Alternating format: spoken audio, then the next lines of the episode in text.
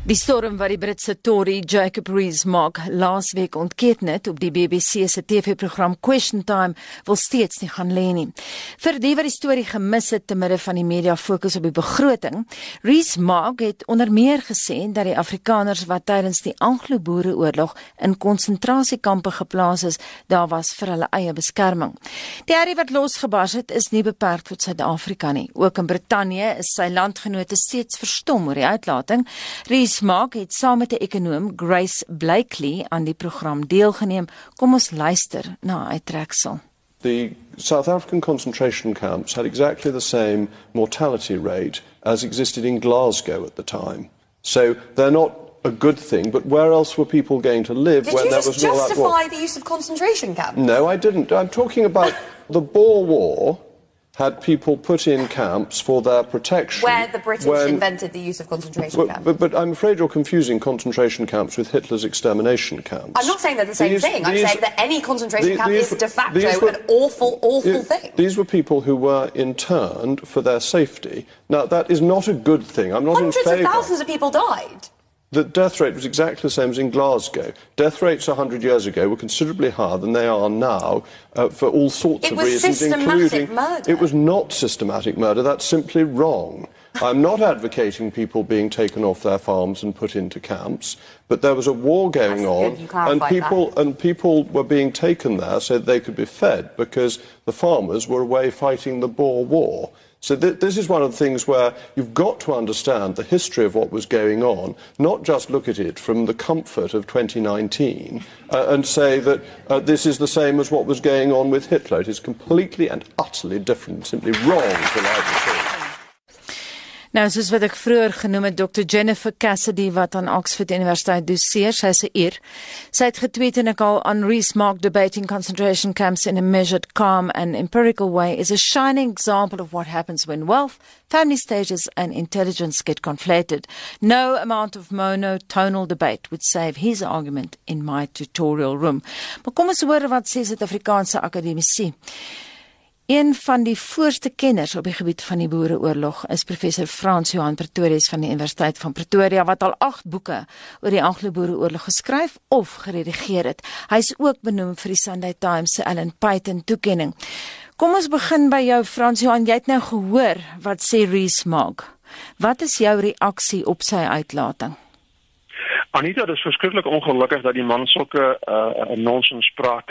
Mense moet dit sien in die uh, weet in die agtergrond van wat of met, met die konservatiewes en die en die en die arbeidersparty in Brittanje op die oomblik gebeur, naamlik hulle hulle veg die verlede, die, die Britse verlede oor en in hierdie proses het Winston Churchill betrokke geraak en toe het hierdie klomp ouens in hulle onkunde gesê Churchill was verantwoordelik vir die konsentrasiekampe.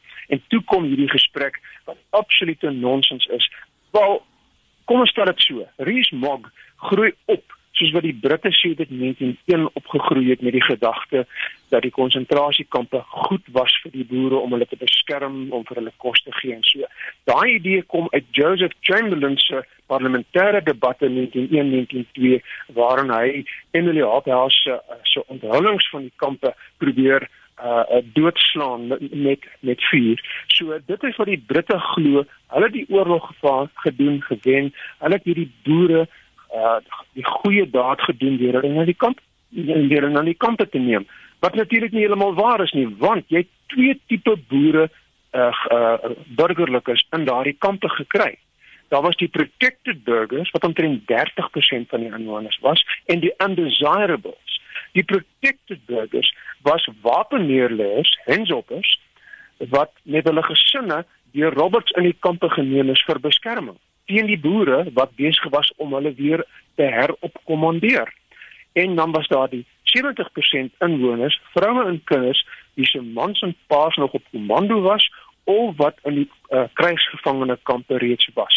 En hulle was in die meerderheid en aan die eerste 6 maande van hierdie konsentrasiekampe vanaf September 1900 het um, het die Britte die uh, undesirables 'n laer rantsoen gegee, so hulle was definitief teen hulle gediskrimineer. En die Britte groei op met die gedagte ons het refugee camps opgerig om hierdie mense te beskerm teen die boere en teen al die gevare en so. Frans Johan mens kan seker aanneem dat daar 'n gespanne en koel atmosfeer was tussen die hensoppers en die ander boere. Daar was 'n geweldige uh uh uh uh, uh vyandigheid tussen die hensoppers en hulle vroue en die uh undesirables die vroue wie se mans nog op komando was. Die die boek Kamphoer het 'n uh, gee 'n idee daarvan van hierdie ongelooflike haat en bitterheid tussen die mense wat ook tot lank na die oorlog geduur het. Mm -hmm. So die aanvanklike idee was nie net dat hulle gefokus het op vroue en kinders nie, maar op die hensoppers om die hensoppers weg te kry van die ander boere. Dis wat jy gesê het, Ja. reg?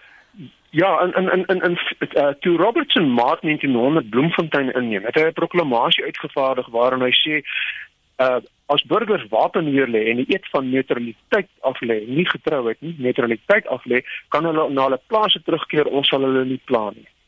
En dit het hy ook gedoen, maar toe Roberts Pretoria inneem en hy dog die oorlog is nou verby, toe begin die boere met 'n guerrilla oorlog wat nog vir 2 jaar sou duur en hulle het aanvalle op sy spoorlyn gedoen en sy uh, sy ehm um, voorrade gebuit uh, dit net in so en daar in die tron. En toe het hy gesê maar goed in 16 Junie 1900 sê hy as daar 'n aanval op die spoorlyn is gaan die huis naaste dit afgebrand word.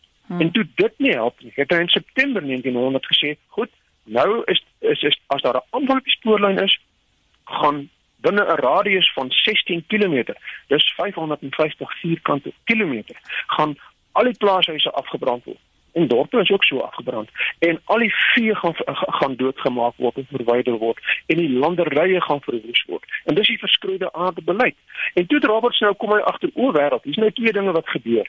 Die boere is besig om die uh, protected burgers weer op te kommandeer die ouens wat die eet van neutraliteit afgelê het en ek het nou hierdie mense is se huise afgebrand en hulle is dakloos. En toe bring hy in September 1901 begin met die konsentrasiekampe waarin hy die twee groepe, die, die protected burgers en hulle gesinne en die undesirable vroue en kinders in dieselfde kampe gesit het, die konsentrasiekampe. Kom ons gaan terug na 'n ander ding wat Jacob Rees-Mogg gesê het en hy word aangevat daaroor deur die Herald in Skotland.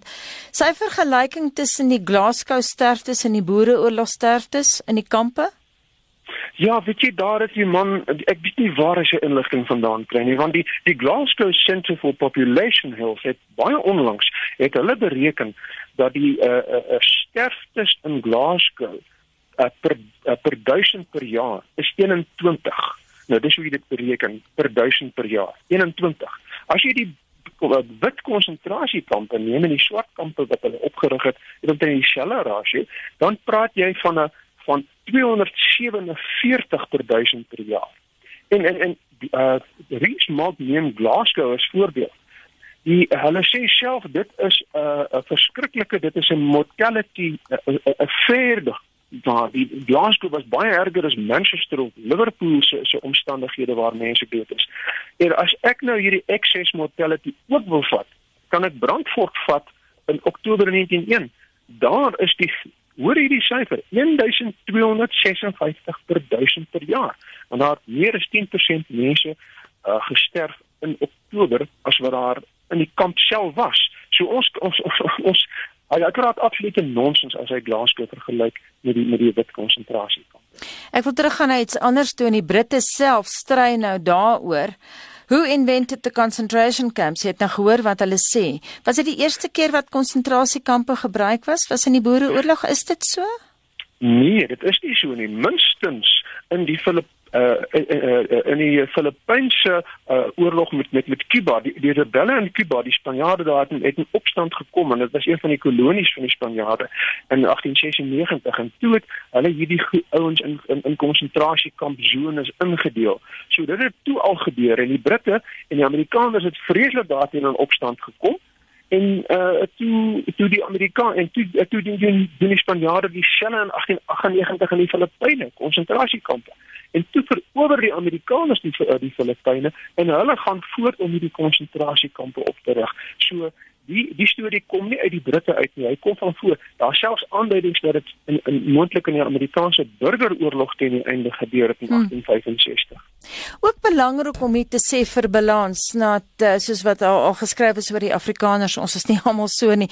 Nie alle Britte uh het natuurlik die oorlog gesteun nie. Ek praat van tydens die oorlog ook en ek praat nie net oor Emily House nie. Daar is baie sterk en skerp vrae gevra in die Britse parlement. Ja, ja, nadat Emily Hophouse uh, in, in Junie 1901 hierdie uh, onthullings van die konsentrasiekampe en die verskriklike toestande en die sterftes uh, bekend gemaak het in Brittanje, toe was daar uh, na, natuurlik by die oppositieparty, die die die, die liberale party hierdie hierdie gedagte, maar wat is die konservatiewes besig om te doen in Brittanje uh, in in in Suid-Afrika? En toe was haar hierdie parlementêre debatte wat gewen is deur die deur die konservatiewe party, die unioniste omdat hulle in beheer was en hulle is in 1905 is hulle uit die uit die kussings gelig deur deur die nie as gevolg van die konsentrasiekampe nie maar dit was die, die Britte het daardie storie behou die konservatiewes het die verhaal begin vertel dis wat gebeur het ons het hulle beskerm hmm. Uit ons SMS terugvoer vanoggend is dit baie duidelik dat luisteraars sterk voel oor die oorlog nou nog steeds. 'n Melding word gemaak van die glas in die kos nou. Ons het in ons familie ook groot geword met daai stories van glas wat byvoorbeeld in die boelie beef gesit is. Ja, weet jy dit is uh, dit is dit is 'n verhaal wat wat hier in die in die Afrikaner hoogbloei van nasionalisme in die 30er jare na na vore gekom het en selfs in die oorlogsmuseum uitgestal is en toe later onlangs weggevat is die laaste 20 jaar weggevat is. Die rede daarvoor en daar was navorsing gedoen daaroor. Hierdie glas was eintlik suikerkristalle gewees. Dit was baie swak gehalte suiker. En en en dit het kristalle gevorm en nou het hierdie mense gedink dis glas. Dis hmm. dit is absoluut nie waar nie. Dit is 'n uh, uh, uh, mense wat dit sê weet regtig nie waaroor dit gaan nie. Daar was ook swartes in die konsentrasiekampe? Ja, in 1901 het het Kitchener agtergekom maar die die boere benut 'n uh, uh, swart voorrade uh, wil uh, uh, en die swart mense het uh, uh, uh, gewillig of onwillig voorrade afgestaan aan die boere op op komando en toe Robert uh, uh, Kitchener gesê maar nou gaan ek hierdie ouens ook wegvoer na konsentrasiekamp. Ah, en dan kan ek sommer die mans gebruik om op die myne te gaan werk wat weer in April 1901 uh, aan aan die gang gebring is. So daar was meer konsentrasiekampe vir swart mense as hulle was kleiner geweest as as vir die blankes. Maar hulle moes vir hulle self voedselvoorrade uh sorg. Met ander woorde, hulle het, uh, moes lyntjies daar aan lê langs die kampe en hulle moes hulle eie huisvesting vir uh uh, uh voorsorg. So dit is dit is tragiese omstandighede. En die Britte wat normaalweg se wie se administrasie normaalweg so goed is se administrasie van die swart kant was swak. So ons het nie volledige syfers van hoeveel daar dood is nie. Waarskynlik 20000 of van die omgewing. Ons het van 20000 het uh, het stoue Kessler bewys. Waarskynlik uit dieselfde omgewing as as as die blanke sterftes van minstens 28000. Sê vir Frans Johan het die Britte ooit amptelik om verskoning gevra? Nee. Ehm um, die uh, hierdie uh die die hertog van Kent, daai pragtige mannetjie wat elke jaar by Wimbledon die by die beker oorhandig. Hy was hier gewees met die herdenking en 'n uh, opspeenkop en hy het hy het uh uh so ver gegaan om te sê dat so iets no, nie moes gebeur het nie en dit moet nooit weer gebeur nie.